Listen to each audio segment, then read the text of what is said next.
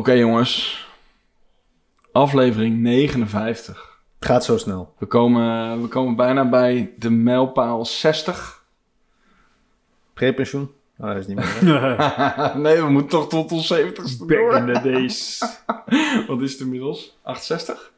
Ik heb echt geen idee. Maar we, we gaan gewoon nog even door. Eh, ehm, deze week gaan we het hebben over EOS als bedrijfsmodel. Ehm, misschien even goed, Joël, jij als aanstichter van eh, dit hele Aanstichter? euvel. Nou, Ja. ja. dat is wel. eh, ik bedoel, zonder jou hadden we hier niet gezeten. Dat sowieso. Maar EOS eh, kwam wel echt uit jouw koken, toch? Uit de hooggoed ik, Uit de hoge hoed. zou ik eerder zeggen. Eh, entrepreneurial Operating System. En nu jij. Wat is het? Wat is het?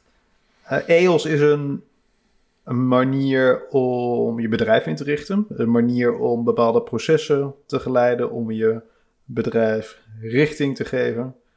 Om met een bepaalde cadans bepaalde activiteiten binnen je bedrijf in te richten. Om zo nou ja, te blijven groeien als organisatie. Nice. Best wel. En ehm, het, het mag dan wel uit jouw koken komen.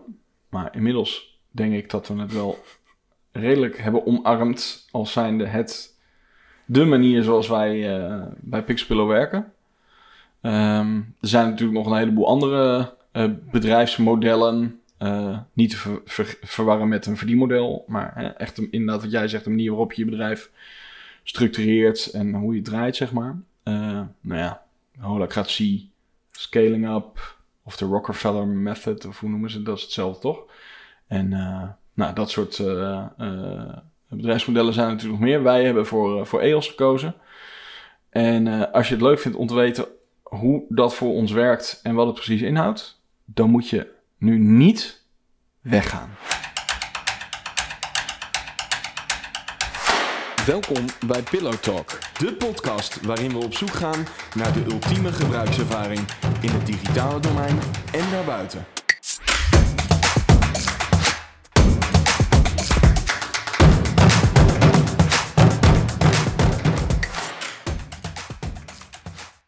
Ik ben Nino van Brugge, account director van Pixelpillow. En ik ben Joël, verantwoordelijk voor de techniek bij Pixelpillow. En ik ben Gert-Jan, verantwoordelijk voor ontwerp. En zoals elke week beginnen we onze podcast met de UX fuck-up van de week. En deze week, net als vorige week trouwens, komt die, eh, komt die mij vandaan. Ik heb blijkbaar wat, eh, wat frustratiemomentjes eh, gehad. Ehm, en dat is namelijk de, de dopper. De dopper. Kijk uit je dopper. Eh, dan heb jij dezelfde eh, exercitie als ik en eh, Ah, Jan eh, doorgemaakt. Dat zou heel goed kunnen. Eh, had het iets te maken met het customizen van je dopper? Ja. Nou, ben ik benieuwd Wat? of het ook echt precies dezelfde is. Bij mij ging het namelijk om de dop. Ja. Bij jou ook? Ja, volgens Nou, mij. ik zal- ik zal- een poosje geleden. ik zal het vertellen. Als jij Ja. je erin herkent, dan, eh, of als je er thuis in herkent, dan eh, moet je dat even laten weten. Eh, het gaat om de dopper. Wij wilden, eh, zoals ieder bedrijf in Nederland, eh, nieuwe medewerkers welkom heten met een eh, welkomstbox. En daarin zie Zoals, je vaak... al- zoals ja, elk ook ander Nou bedrijf. ja, ik bedoel, daar kunnen we wel iets, een heel mooi verhaal van maken, maar dat is gewoon niet per se origineel. Maar het is wel gewoon een leuk, een, een nuttig ding om te hebben. Dus we vonden dat wel, wel een goed idee. Ehm, en dan heb je bij Dopper, gewoon op de, de corporate site van Dopper, heb je de, de mogelijkheid om flesjes te personaliseren. En dat kan op twee manieren. Je kan als bedrijf het doen, dan moet je er minstens Ja, 60 of 70 à 1000 euro bestellen. Nou, dat, Ja. dat kan me voorstellen dat het voor de grote corporates eh, een ding is, maar voor ons niet zo nuttig. Dus wij kozen de route voor personaliseren gewoon voor één dopper. Ehm, en je hebt inmiddels niet meer alleen die, die original, dus echt de dopper die je het meeste ziet eh, van gewoon kunststof in eh, verschillende kleurtjes. Maar je hebt ook de insulated, dus dat is zeg maar de thermodopper. ja. Eh, je hebt de glazen dopper. Hm. En je hebt de metalen geïnsuleerde dopper. Of nee, die is niet insulated, maar dat is gewoon de. Nou, dat is een metalen dopper. En die heb je dan nog weer in de, de verschillende maten 3,5, 100 milliliter en 580 milliliter uit mijn hoofd. Ah, ja. Nou, als je dan die dopper gaat personaliseren, dan heb je daarvoor op de site drie ingangen. Je kan de fles de normale kun je personaliseren. Volgens mij de insulated kun je personaliseren. En ze hebben een ingang voor de dop. Nou heb je een hele mooie matzwarte dopper. Dat is de Ja. insulated dopper. Ja. Als je die wil gaan personaliseren, dan eh, kan dat helemaal mat zwart als je het via die bedrijfsingang doet. Maar dan moet je dus er heel veel afnemen. Als je het via de particuliere ingang doet, dan heb je hem niet met die zwarte dop. Dan heb je wel een mat zwarte fles, maar een Met witte, witte dop. dop. Ja, Want die kun je dan customizen. En dan vervolgens denk je slim te zijn, ga je naar de dop om die te personaliseren. En dan ga je naar de, Dan klik je op de zwarte dop. Ja. En dan staat er opeens niet meer dat je die kan personaliseren. Nee, Dat kan natuurlijk. daar ben, daar ben ik, ge, Ben je daar ook gestrand? daar ben ik gestrand. Ja. Ik vond dat echt heel irritant. Dan dacht ik, ja, laat dan niet die zwarte dop zien Nee. onder de ingang. Dus waarschijnlijk hebben zij gewoon al hun doppen daar staan. En eh, kun je gewoon via die ingang daar terechtkomen. Maar het is frustrerend. Wat zit je nou? Je hebt iets met doppen. Jij vindt een woordgrapje zit je in je hoofd, hè? Ja. Joel, zit te smurken in een Een hoek. domper. Ja, inderdaad. Oh, jee. Fijn dat we hij, is wel, dezelfde... hij is wel leuk. Hij Ja, is wel is leuk. wel leuk. Dat is wel leuk. Maar goed, ik, ik, was, ik was echt een beetje gefrustreerd. Want ik dacht, ja, ik snap het wel. Ik snap wel dat je die, eh, eh, die dop dan misschien niet kan personalizen. Maar ja, ik vond het gewoon irritant. Ik zag gewoon die dop daar. En ik snapte gewoon in eerste instantie helemaal niet waarom ik die niet kon personaliseren, zeg maar. Maar nu blijkt dat dat gewoon blijkbaar bij die dop niet kan. Nee, en, en er staan wel plaatjes op de site van een zwarte eh, dopper met een eh, logo erop. Maar dat gaat dus alleen als je de 1000 plus eh Ja. en, en het is dus zo complex. koopt. Ja. Er zijn zoveel mo- mogelijkheden dat je gewoon op een gegeven moment denkt: oh, oké, dus het kan wel. En dan ga je naar die persoonlijke ingang en dan kan het daar niet. Nee. Nou, dat is een beetje. Dat is ook weer een feedback ding. Ze geven niet aan volgens mij waarom niet, of wel? Nee. En dan kan ik me nog wel voorstellen dat je, dat je als je het gewoon niet doet, dat je het dan, dan niet meldt. Alleen eh, waar bij mij de frustratie meer in zit. Ik weet dus dat het kan. Want het kan wel als ze het eh, voor die bedrijven doen. Het is niet zo dat het een hele bijzondere andere dop is. Het is Ja. gewoon zwart versus wit. Dus dan denk ik, als ik daar naartoe ga, dan denk ik, dit is gewoon onwil. Jullie willen gewoon dat ik het via die bedrijfsingang doe. Ja. Dat, maar, en misschien is dat helemaal niet zo, maar dat is het gevoel wat ik krijg. Ik denk, ja, verdorie, het kan dus wel. Het is niet een technische onmogelijkheid. Maar jullie willen gewoon niet dat het via deze route kan. En dat vind ik irritant. Want ik wil gewoon die zwarte hebben. Eh, Ik snap het wel. Ja, het zou, het zou, Jouw de- technische reden die ik zou kunnen verzinnen is dat je op zwart printen heb je een wit eh, inkt nodig of zo. Dat daar een extra druklaag in zit. Zoiets zou het kunnen zijn misschien. Ja, en dat het dan niet, ook misschien financieel niet uit kan om dat Ja, misschien zoiets. in oplages van één te doen. Dat kan ook wel. En ik snap echt wel dat ze dat dan niet communiceren. Maar het is toch interessant dat omdat ze het wel ergens aanbieden... en je dat ook gewoon heel makkelijk kan vinden... heb ik dus gewoon die verwachting in mijn hoofd. En denk ik gewoon van ja, nu vind ik het dus heel irritant dat ik weet dat het kan... en ik het niet kan krijgen. Ja. Nou, dat wil ik even zeggen. Dus. Ehm, ik weet niet of er een product is waar jij, als je dit naar luistert, recent eh, een, een gelijke, een soort gelijke ervaring mee had. Maar wij vinden het altijd leuk eh, om, om dat te horen. Eh, dus dan mag je ons mailen naar pillowtalk.pixelpillow.nl of stuur het ons even via Instagram als een DM'tje. At Podcast. En dan word je ook op de hoogte gehouden van de laatste afleveringen. Ehm EOS als bedrijfsmodel. Nou, de stellingen van vandaag zijn: iedere organisatie heeft een bedrijfsmodel nodig. Wie wil?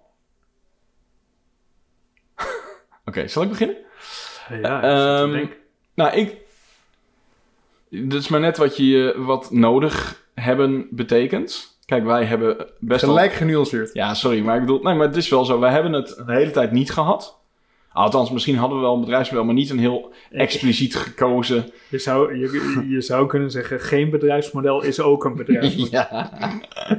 nou ja, kijk, het is wel een manier van je bedrijf runnen, alleen het is niet een, een heel erg doordacht, gestructureerd, eh, gestructureerde manier. Nou ja, ik denk dat de meeste bedrijven hun eigen bedrijfsmodel eh, Hmm. gaan, eh, aldoende Ja. gaan, gaan opzetten. Je gaat processen maken, afspraken maken. Ja. Maar goed, als je de stelling even zo leest dat het bedrijfsmodel een, een, een standaard bedrijfsmodel is, zoals EOS of Scaling Up of Nou, wat je dan nog meer hebt. Holocratie is, is ook een, een hippe, bekende volgens mij. Ehm, ja, dan is het een beetje de vraag: heb je dat nodig? Ja, ik, ik, ik denk niet dat het voor elk type bedrijf misschien nodig is, maar zodra je toch met, met eh, personeel gaat werken, iets meer personeel gaat werken en, eh, en ergens een beetje in een, met, met efficiëntie eh, bezig wil gaan en met eh, een beetje standaardiseren van je, van je product- en dienstverlening, nou ja, dan is het volgens mij wel een goed idee. In ieder geval wat ik nu zo, hè, wat wij nu eh, ervaren met EOS. Ja. Ja, ik, ik ben er echt, ik heb al zo vaak tot nu toe gehad en ik bedoel, het is niet voor niks dat het uit koken komt. Joel, Joel is meer de, de, de business. Nou ja, maar ik, ik bedoel, ik ben een commerciële jongen, maar ik. Structuur en. Ja, hoe je bepaalde dingen efficiënt organiseert, zijn nou niet per se de dingen waar je mij voor uit mijn bed hoeft te, te, te trommelen s'nachts. Nee. Maar hiervoor, ik merk nu wel dat ik best. Ik zie nu ook heel vaak andere bedrijven waarvan ik dan denk: oh, je moet dit ook doen. Dit is echt vet handig. Ja. Jij kan dit ook gebruiken. Kijk, ik, ik denk dat het vooral heel nuttig is voor de.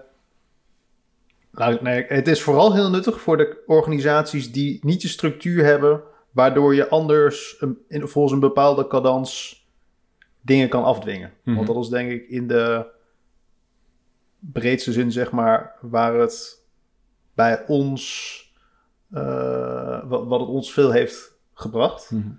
Als je een organisatie bent van, weet ik zeg, 50 man. En je hebt iemand die constant over operationele dingen nadenkt. Of over sales, of over, ik noem maar wat. Dan heb je één iemand die gewoon een, een, een functie binnen de organisatie oont. En daar zeg maar de hele tijd gevolgen aan geeft. En Mhm. dat met structuur zeg maar kan Mhm. doen. Mhm. En op het moment dat je wat meerdere taken tegelijkertijd hebt, is het natuurlijk heel moeilijk om, eh, als je geen stok achter de deur hebt, dus achter de deur hebt, om constant zeg maar bezig te zijn om volgens een bepaalde cadans dingen op te pakken. Ja. En nog nog steeds zeg maar is het natuurlijk, eh, het is nog steeds nuttig voor die organisaties die groter zijn. Alleen die hebben gewoon meer structuur in de mensen die er zijn. Dat is wel Omdat- een aanname.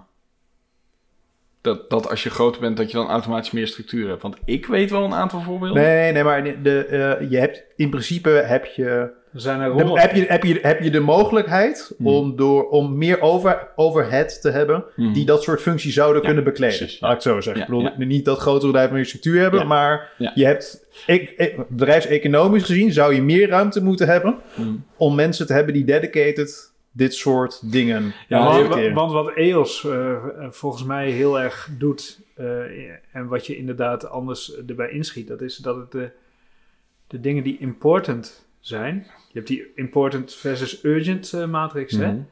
de dingen die important zijn, die, da- daar geeft het een deadline aan, denk ik. Ja, wat leg even het verschil uit voor eh, als iemand die luistert. important en urgent, dat, hoe noemen ze dat? Je wel de Eisenhower-matrix? Ja. Toch? Dat is het verhaal van Mhm. dat een heleboel bedrijven zijn ge- geneigd, toch de waan van de dag. Hè? Dingen die urgent zijn, krijgen altijd voorrang. Ja.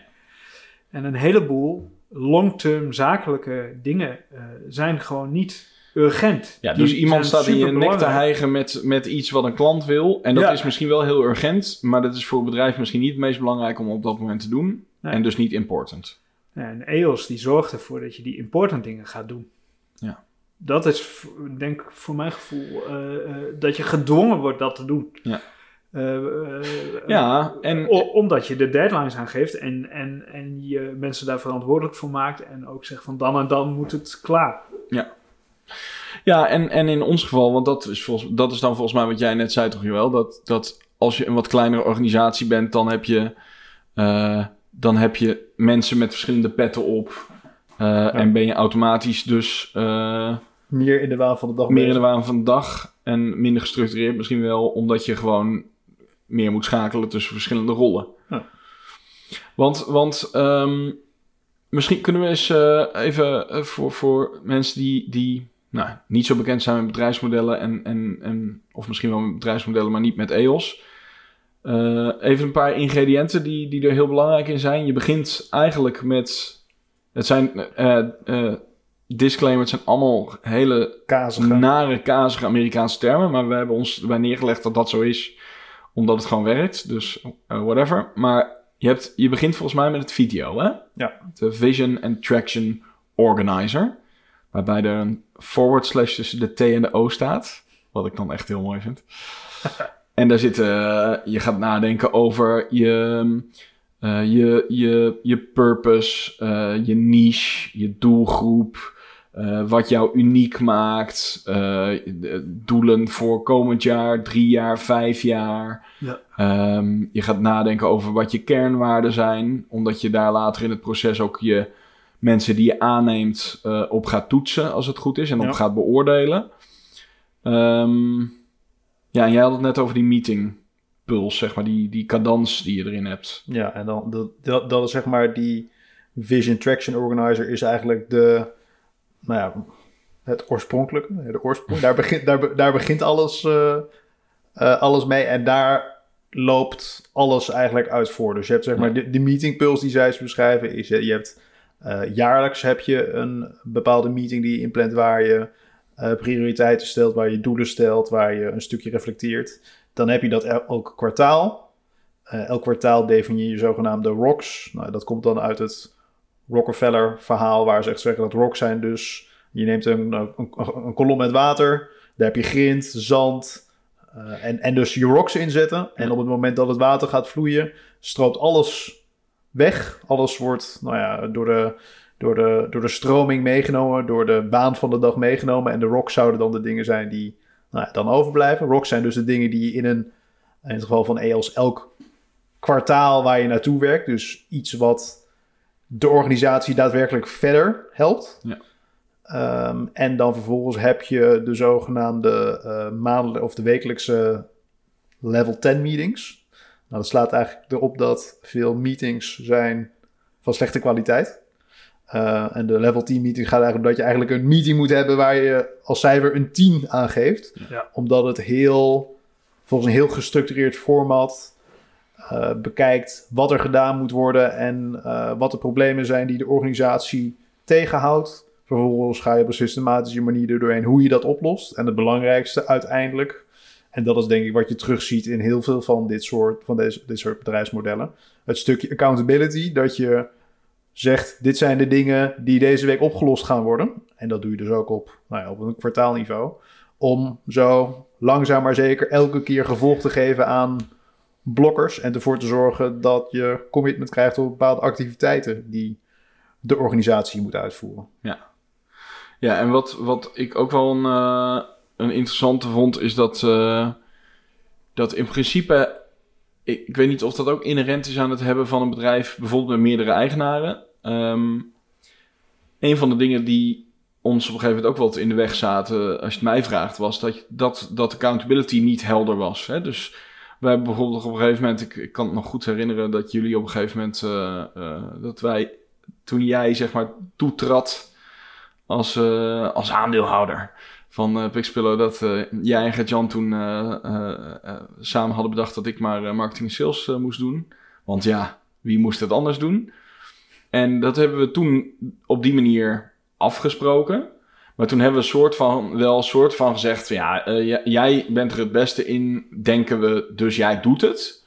Maar we hebben nooit gezegd, impliciet waarschijnlijk wel op meerdere manieren, maar we hebben nooit gezegd van ja, als het niet goed gaat daarmee, dan, dan nou ja, je wil niet iemand erop afrekenen, maar jij bent gewoon voor verantwoordelijk. Dat is, dat is gewoon iets wat je op deze manier dan uitspreekt. En ook dat je niet meerdere mensen ervoor verantwoordelijk maakt, zeg maar. Dat er gewoon één iemand maar verantwoordelijk kan zijn voor een bepaald stukje van je business. En dat geeft wel gewoon heel veel helderheid. Ja, want het voordeel is ook dat eh, de verwachtingen helder zijn. En dat je ook als iemand jou probeert ergens accountable voor te maken, dat je kan zeggen, maar ho, Ja, dat wil ik helemaal niet. Nee. Of wel, terwijl als je het niet uitspreekt, dan kan die verwachtingen zijn eh, bij allemaal mensen. Maar bij de ene is die verwachting misschien anders dan bij de ander. Nou ja, en als je weet dat je erop afgerekend kan worden, dan heb je natuurlijk ook eh, op het moment dat er iets eh, nou ja, dat raakt, kun je er ook voor gaan staan. Dan kun je zeggen, ja, maar ho, Dit is mijn ik- ding. Dit is mijn ding. Ik moet hier, ik moet hier bepaalde dingen mee doen.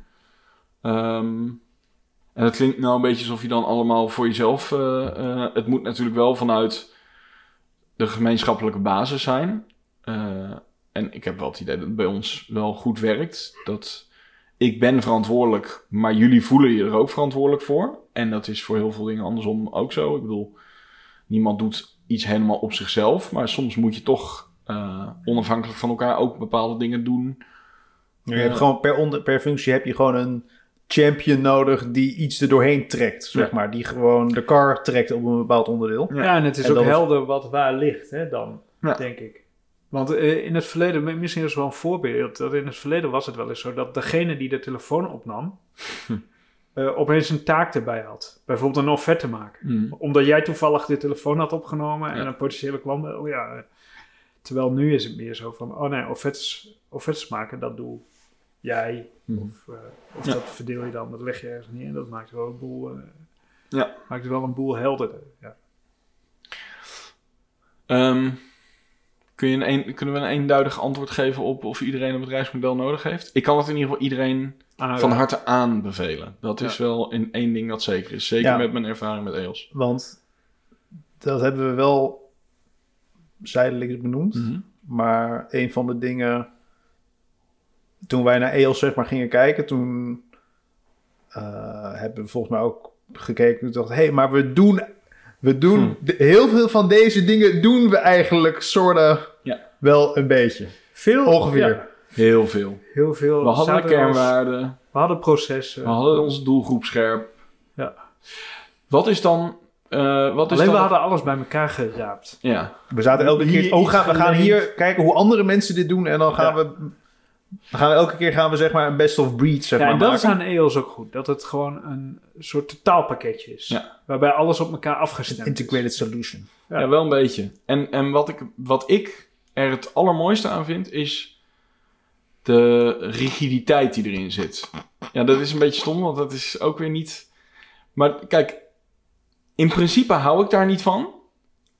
Maar binnen de kaders van EOS doe ik gewoon mijn ding. Maar ik weet wel, dit zijn de kaders die wij met elkaar hebben afgesproken. Wat misschien, trouwens misschien ook wel goed is om te zeggen, e- het enige wat wij niet helemaal conform EOS doen, en dat heeft te maken met hoe groot wij zijn, of hoe klein, hoe je het wil eh, bekijken, is dat wij niet, eh, wij doen als, als leadership, eh, hebben wij bijvoorbeeld die L10-meetings. En als je een grotere organisatie bent en je doet EOS, dan heb je ook nog op, eh, op afdelingsniveau een soortgelijk constructie qua meetings en to-do's en hè, hoe dat werkt. En dat eh, wordt dan zeg maar, eh, dat voedt elkaar zeg maar, toch? Dat zeg ik dan zo goed. Nou, dat doen wij niet. Ehm, maar binnen ons, eh, eh, eh, binnen het leadership, zeg maar, hebben we dan wel die rigiditeit. Maar daarbinnen heb je gewoon wel, kun je gewoon binnen je, je eigen verantwoordelijkheid, kun je natuurlijk gewoon je eigen ding doen. Dus ik vind dat die beperking wel heel prettig. En ik weet nog dat bijvoorbeeld, nou, een voorbeeldje van hoe dat dan goed werkt. Wij hebben gewoon de neiging van nature, de een wat, misschien wat meer dan de ander, maar om om alles ter discussie te stellen. Om al, bij alles te denken, hmm, zou Nee hoor, dit- dat is echt niet zo. Mhm. Ja, dat is dus wel zo. Wacht even, ik zet even, even Gert-Jan nu op het schuifje op mute.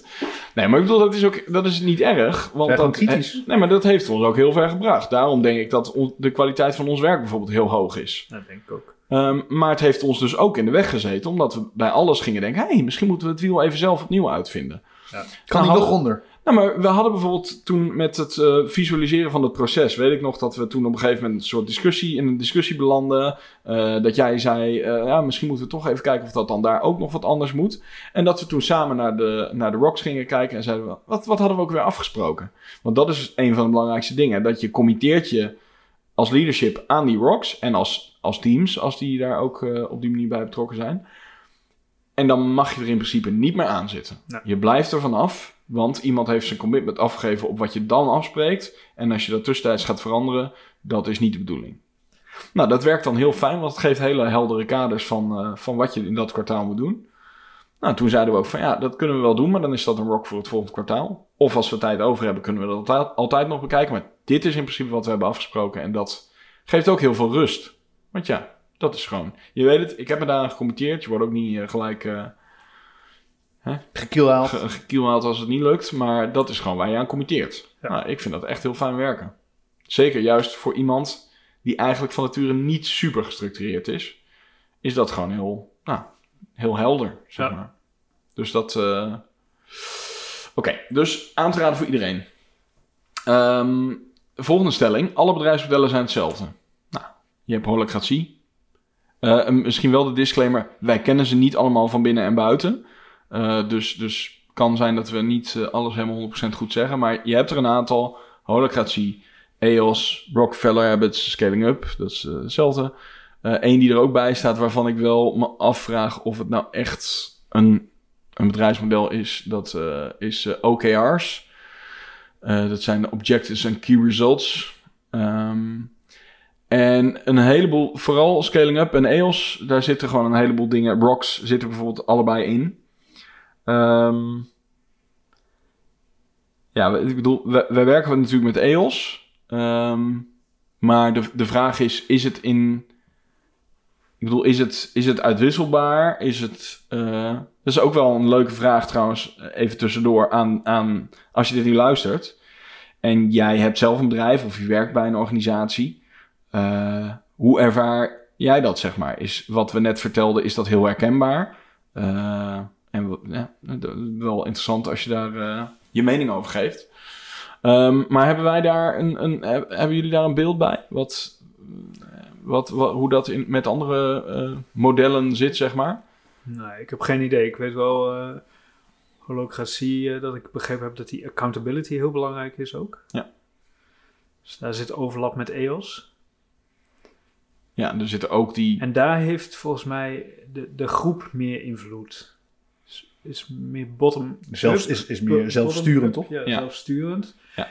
En dan maak je soort teams of cirkels waarin je bepaalde mensen bepaalde verantwoordelijkheden kan geven. En volgens mij gaat het ook op basis van een soort stemmen. Dus dat je dat ook een soort van democratisch proces zit erin. Ja. En dat is eh, bij EOS niet zo, toch? Nee, dat is denk ik wel gelijk ook het grootste verschil. eh, met iets als EOS en Scaling Up. Dat, ehm, volgens mij is holocratie, daar hoor je ook altijd de verhalen van dat het management of de directie ook een handtekening zet onder een, soort manifest van dat ze echt gewoon eh, bepaalde verantwoordelijkheden eh, eh, nou ja, overdragen of loslaten in ieder geval. Waardoor het eh, veel platter wordt, zeg maar, qua organisatie.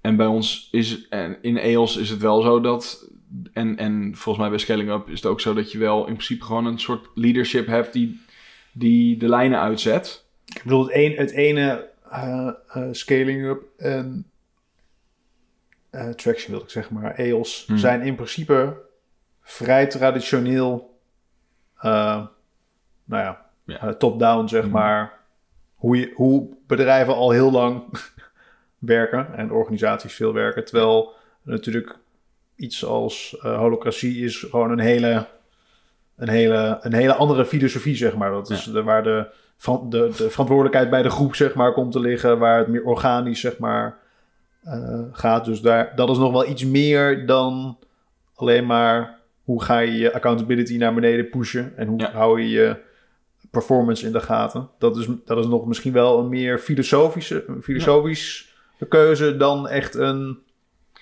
Nou ja, vanuit een meer bedrijfseconomische... Ik bedoel, dat hangt er natuurlijk wel mee samen. nee, natuurlijk. Maar dat heeft wel iets meer om... eh, Maar toch vond ik het grappig dat ik dus iemand sprak die dat, eh, eh, waarbij ze dat in de organisatie eh, eh, gebruiken.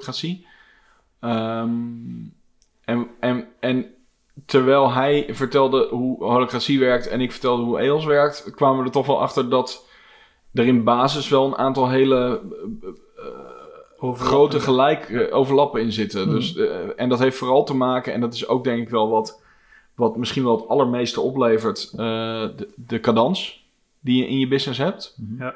En de voorspelbaarheid in die zin. Hè? Ik bedoel, als, als we nu kijken naar die, die level 10 meeting, heeft een hele ook weer eh, rigide opbouw qua eh, je doet vijf minuten dit, tien minuten dat, eh, dan ga je daar doorheen. Het is elke week hetzelfde. Ehm, en ik weet niet of die structuur, maar ik dacht ook dat in holocratie eh, eh, zo'n zo'n meetingstructuur zit met die cadans, maar ook waarin ehm, zo'n bepaalde structuur van de meeting zelf zit. En volgens mij zit hem inderdaad vooral in de, ja, de hi- hiërarchische aspect van EOS en scaling up, dat vooral wat traditioneler is. En misschien in die zin dan ook wel wat beter bij ons past. eh, dan, dan een eh holacratie waar je ook niet eh, functieomschrijving hebt, hè, maar rollen. En dat je gewoon doet waar je goed in bent, zeg maar. Dat is ook nog weer een groot verschil. Hm.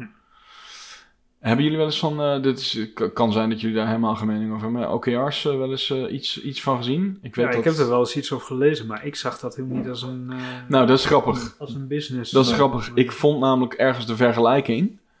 Maar ik vind het ook helemaal niet een businessmodel. Of een, Het is gewoon een manier om... Ja, om, om om te gaan met eh, je doelen en hoe je die meet. Ja, het doet mij meer aan, aan een Het soort, is maar een heel klein onderdeel soort eigenlijk. smart, eh, Ja. ja. dat je dingen meetbaar maakt en... en eh, Ja, maar er zijn dus bedrijven die daar echt eh, die, die daar vol op inzetten. Maar dan denk ik, dat is grappig. Dat zijn denk ik de hele grote bedrijven. Ja. Waarbij zeg maar de, het mothership zeg maar gewoon een bepaalde structuur heeft. Ja. En waar je binnen jouw divisie of, of Ja. afdeling dan vooral te maken hebt met doorgecijpelde eh, eh, doelen. Ja. En dat je die gewoon wil gaan halen en meten. Ja. Dus het Nou is ja, ook wel weer dat interessant. nuttig zijn.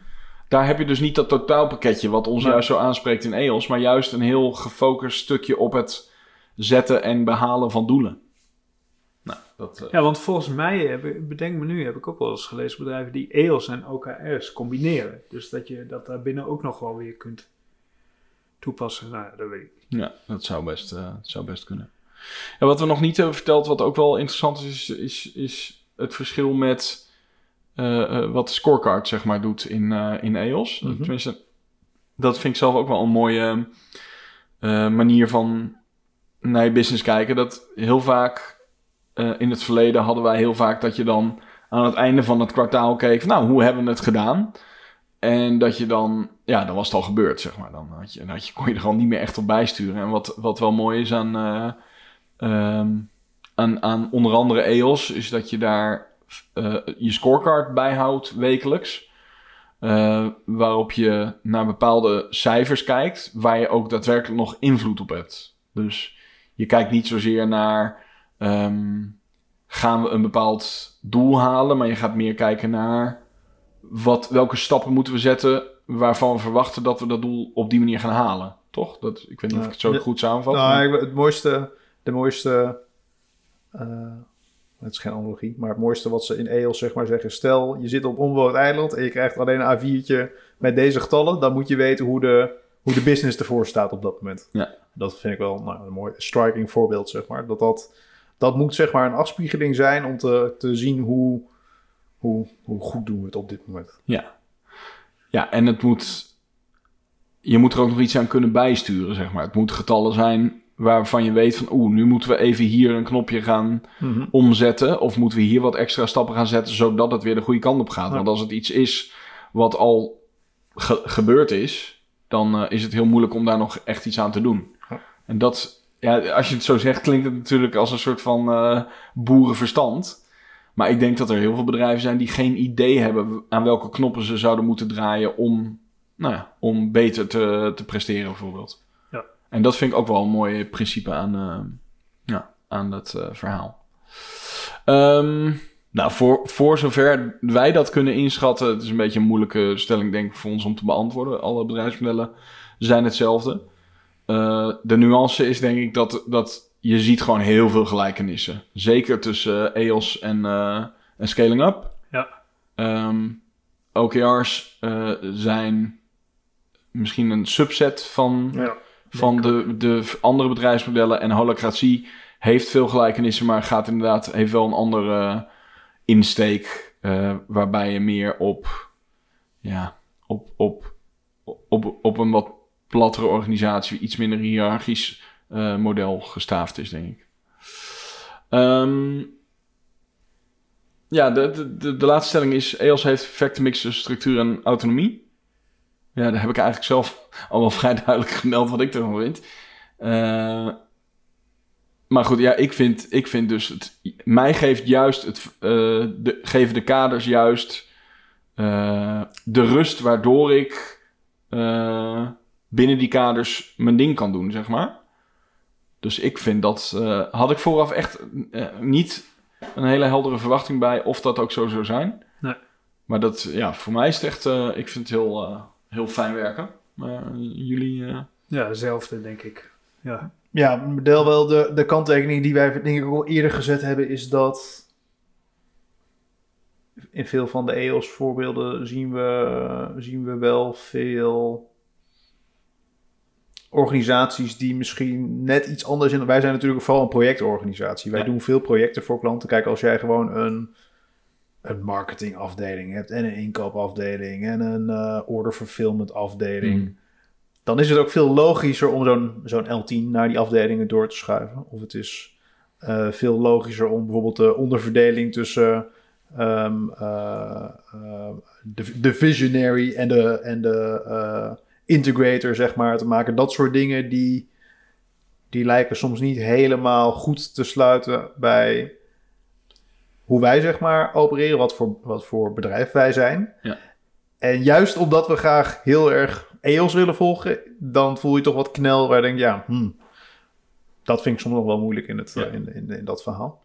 Ah. Ehm, Ja, en inderdaad ook met die scorecards. Dat is voor ons best wel moeilijk. Omdat, ja, als wij zeg maar 20 projecten per jaar verkopen. Met een bepaalde omvang. Ja, zijn we klaar. dan zijn we er. Ja. En eh, een bedrijf dat elke Dat dag... is te weinig eh, data om, om ja. heel exact op te... Ja, het is wel moeilijk Een, om een, op te kleine, sturen. een kleine afwijking heeft al een groot... eh, Ja, kijk, als je... dat is natuurlijk een beetje het...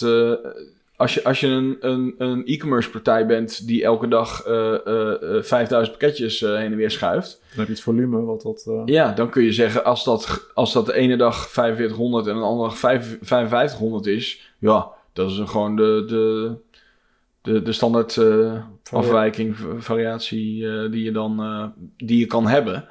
En als je dan ziet dat er opeens twee dagen achter elkaar 3000 pakketjes, dan gaan alle alarmbellen rinkelen natuurlijk. Ja. Doet hij die koppeling het wel? Nou ja, maar ik bedoel, Ja. dat, dat is natuurlijk veel... Bij Heeft iemand de knop groen gemaakt? ja. Of zwart. ja. of zwart. Maar goed, of wit of wit. Maar, eh, nou goed, maar dat is wel een, een makkelijkere manier van op cijfers sturen dan dat wij dat hebben. Ja, bij ons eh, kun je dat dus ook... Bij ons is het gewoon moeilijker om vinger aan de pols te houden. Ja. In die zin. Dus wij, onze, wij zijn heel lumpy, zeg maar, qua... Ja, Lumpy. qua lumpy. Om, eh, Klinkt wel schattig. dat klinkt als een beetje als een, een, van, de, een van de zeven dwergen. Ja, ik ga jou voor, voor- voortaan Lumpy noemen. Lumpy, kom we Of, gaan of, zwemmen. of limpy. Ja, Nee, nee. met- maar de, de, de grap daarbij wel is... Ik heb ook wel met een, van een aantal mensen dat gehoord... dat ook bijvoorbeeld dat op cijfers sturen... dat er... Dat is ook een soort fallacy, zeg maar. In de zin van dat we denken dat grote organisaties dat wel goed voor elkaar hebben. Ja. Of dat ze dat wel uit... Niet zozeer dat het dan geautomatiseerd uit het systeem komt rollen... en dat het zich volledig in het dashboardje invult, bij wijze van spreken. Maar zelfs al het vergaren van die cijfers... is vaak ook nog steeds gewoon een handmatig proces. En Ja. dat is Ja. natuurlijk vaak... eh, eh, nou ja, dat was ook een van de dingen dat ik zei... ja, dat is allemaal moeilijk cijfers bij ons. Want ja, het is allemaal zo... Kijk, het zal nooit... Een eh, metric bij ons zal niet 100% perfect zijn. Hm. Maar de richting, de trend zegt al wel wat. Op het moment dat we zien dat onze sales funnel leeg loopt... Ja. Ja. dan maakt het niet uit of het dan met 300 euro of met 3000 euro zeg maar is. Maar als het vier weken achter elkaar naar beneden gaat... dan weten we wel dat er iets aan de hand is. Dus voor jou niet de perfecte mix, maar wel een goede denk, mix. Ik denk hoe als je een, nou ja, een, een, een business hebt waar je, nou ja, waar- het voorbeeld wat jij zegt, dan is dit natuurlijk nog veel, dan krijgt het echt vleugels, zeg Ja, maar. ja. Eh, bij ons is dat gewoon nog net even, net even iets, iets, de vertaling iets moeilijker. Ja. Nou, als het makkelijk was, Hey, dat houdt het ook leuk. kon iedereen het. Precies. Eh, nog aanvullingen? Nee. Nee. Nou, mooi.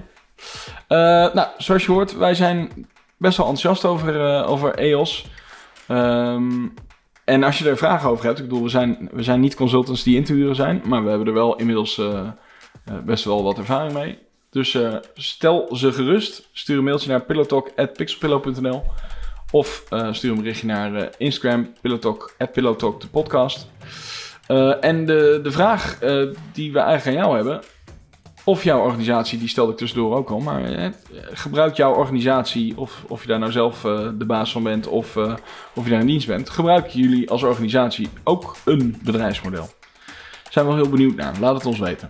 Ehm, wij ronden af. Tot de volgende keer. Doei. Doei doei.